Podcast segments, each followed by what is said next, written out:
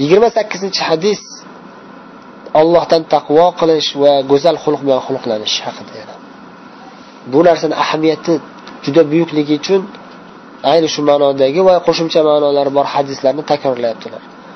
Abi Najih erbod ibn Sariya degan sahobiy roziyallohu anhu rivoyat qiladilar. U kishi aytadilar: "Wa'adana Rasululloh sallallohu alayhi vasallam maw'izatan wajilat minha al-qulub وذرفت minha al-uyun."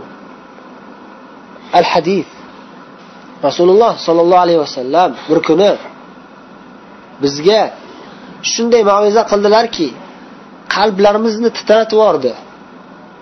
Bu ma'viza qalblarimizni titratib yubordi. Qalblarimiz titrab ketdi. Ko'z yoshlarimiz oqib ketdi bu ma'ruzadan. Shunda aytdikki, ey Rasululloh, xuddiki siz vadolashuvchining mau'izasidek mau'iza qilyapsiz. Bir kishi xayrlashsa, ich-ichidan ta'sirlanib vadolashib gapiradi-ku, bir eng asosiy, eng zarur gaplarni gapiradi. Ozgina vaqt qolgan bo'ladi shu vadolashib olishga. Eh, keyin fursat tugab qoladi. Shuni g'animat bilib eng zarur gaplarni aytib yuboradi vadolashayotgan odam. Bu yerda ham Abu Najih va sahobiy kiromlar Rasululloh sollallohu alayhi vasallam ta'sirli nasihat qilib yig'latganlardan keyin aytishdiki: "Ey Rasululloh, bu mavizangiz xuddiki vadolashuvchi mavizaga o'xshayapti. Ketib qolasiz shekilli bizni tashlab oxiratga.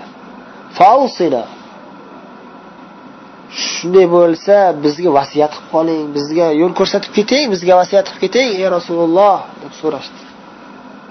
Rasululloh sollallohu alayhi vasallam yana takror ta'sirli eng zarur vasiyatlarni aytib shunday nasihat qildilarki bi taqvalloh sizlarni men Allohdan doim taqvo qilishga vasiyat qilaman.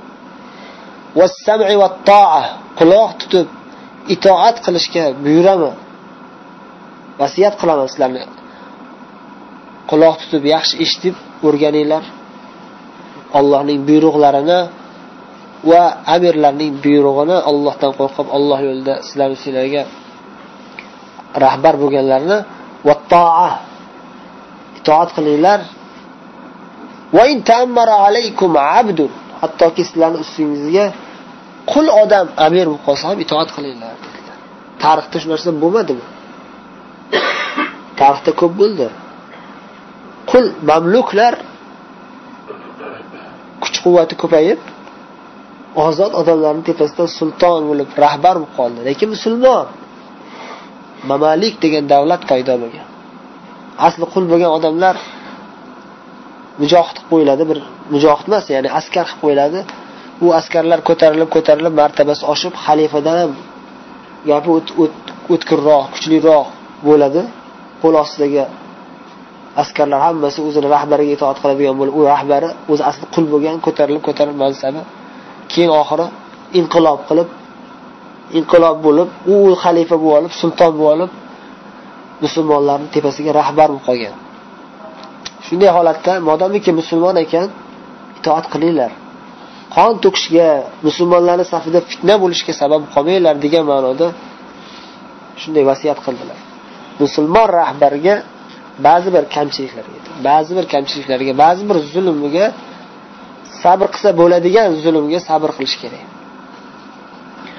Ulamolar shunday deyaptimi? Qaysiki bir amir qaysiki qaysiki bir rahbar hokim? Musulmon shu odam. Shunga itoat qilinglar deyaptimi ulamolar? Shunga itoat qilish kerak.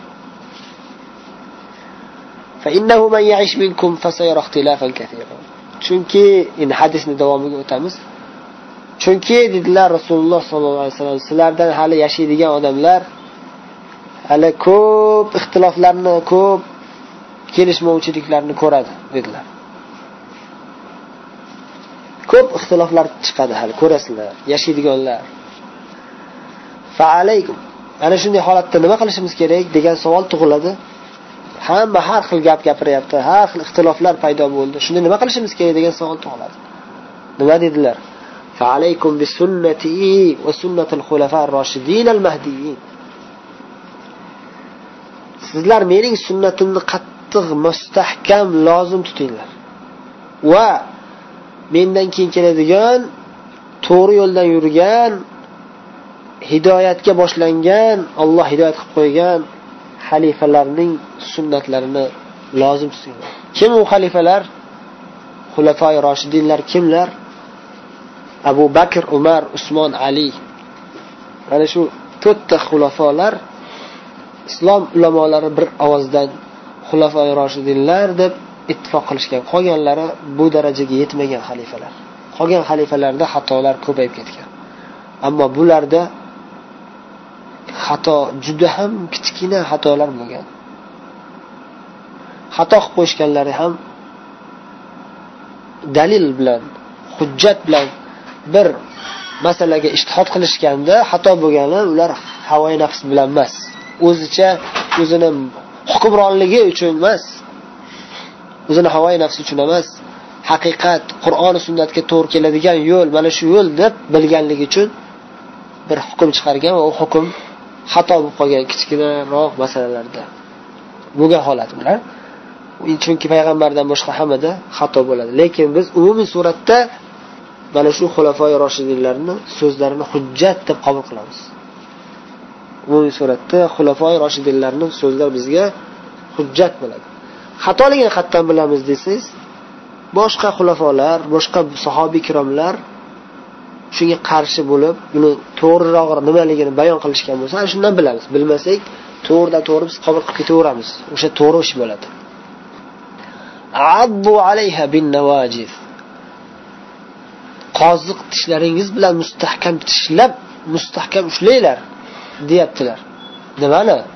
Payg'ambarimiz sollallohu alayhi vasallam sunnatlarini va xulafoi roshidinlarning sunnatini. Keyin yana vasiyat qil oxirgi vasiyatda aytyaptilarki yangi paydo qilingan ishlardan narsalardan ogoh bo'linglar. Chunki har bir bid'at ishlar zalolatdir. Adashtirib yuboradigan narsadir. Ya'ni din ishlarida payg'ambarimiz sollallohu alayhi vasallam va xulafoi roshidinlar qilmagan ishlar aytmagan so'zlarni paydo qilishlik din ishlarida bular muhdasatul umur bid'atlar yangi paydo qilgan ishlar. Bular zalolatga olib ketadi. Ulardan ehtiyot bo'linglar dedilar. Abu dovud termiziy rivoyat qilishgan. Hasanun sahih degan termiziy sahih hadis. Bu hadisning qisqacha ma'nosi va sharhi mana shunday endi hadisi sharifning arabcha matniga yana bir bor quloq solamiz وعن ابي نجيح العرباض بن ساريه رضي الله عنه قال وعظنا رسول الله صلى الله عليه وسلم موعظه وجلت منها القلوب وذرفت منها العيون فقلنا يا رسول الله كأنها موعظة مودع فأوصنا. قال أوصيكم بتقوى الله عز وجل والسمع والطاعة وإن تأمر عليكم عبد فإنه من يعش منكم فسيرى اختلافا كثيرا. فعليكم بسنتي وسنة الخلفاء الراشدين المهديين. عضوا عليها بالنواجذ.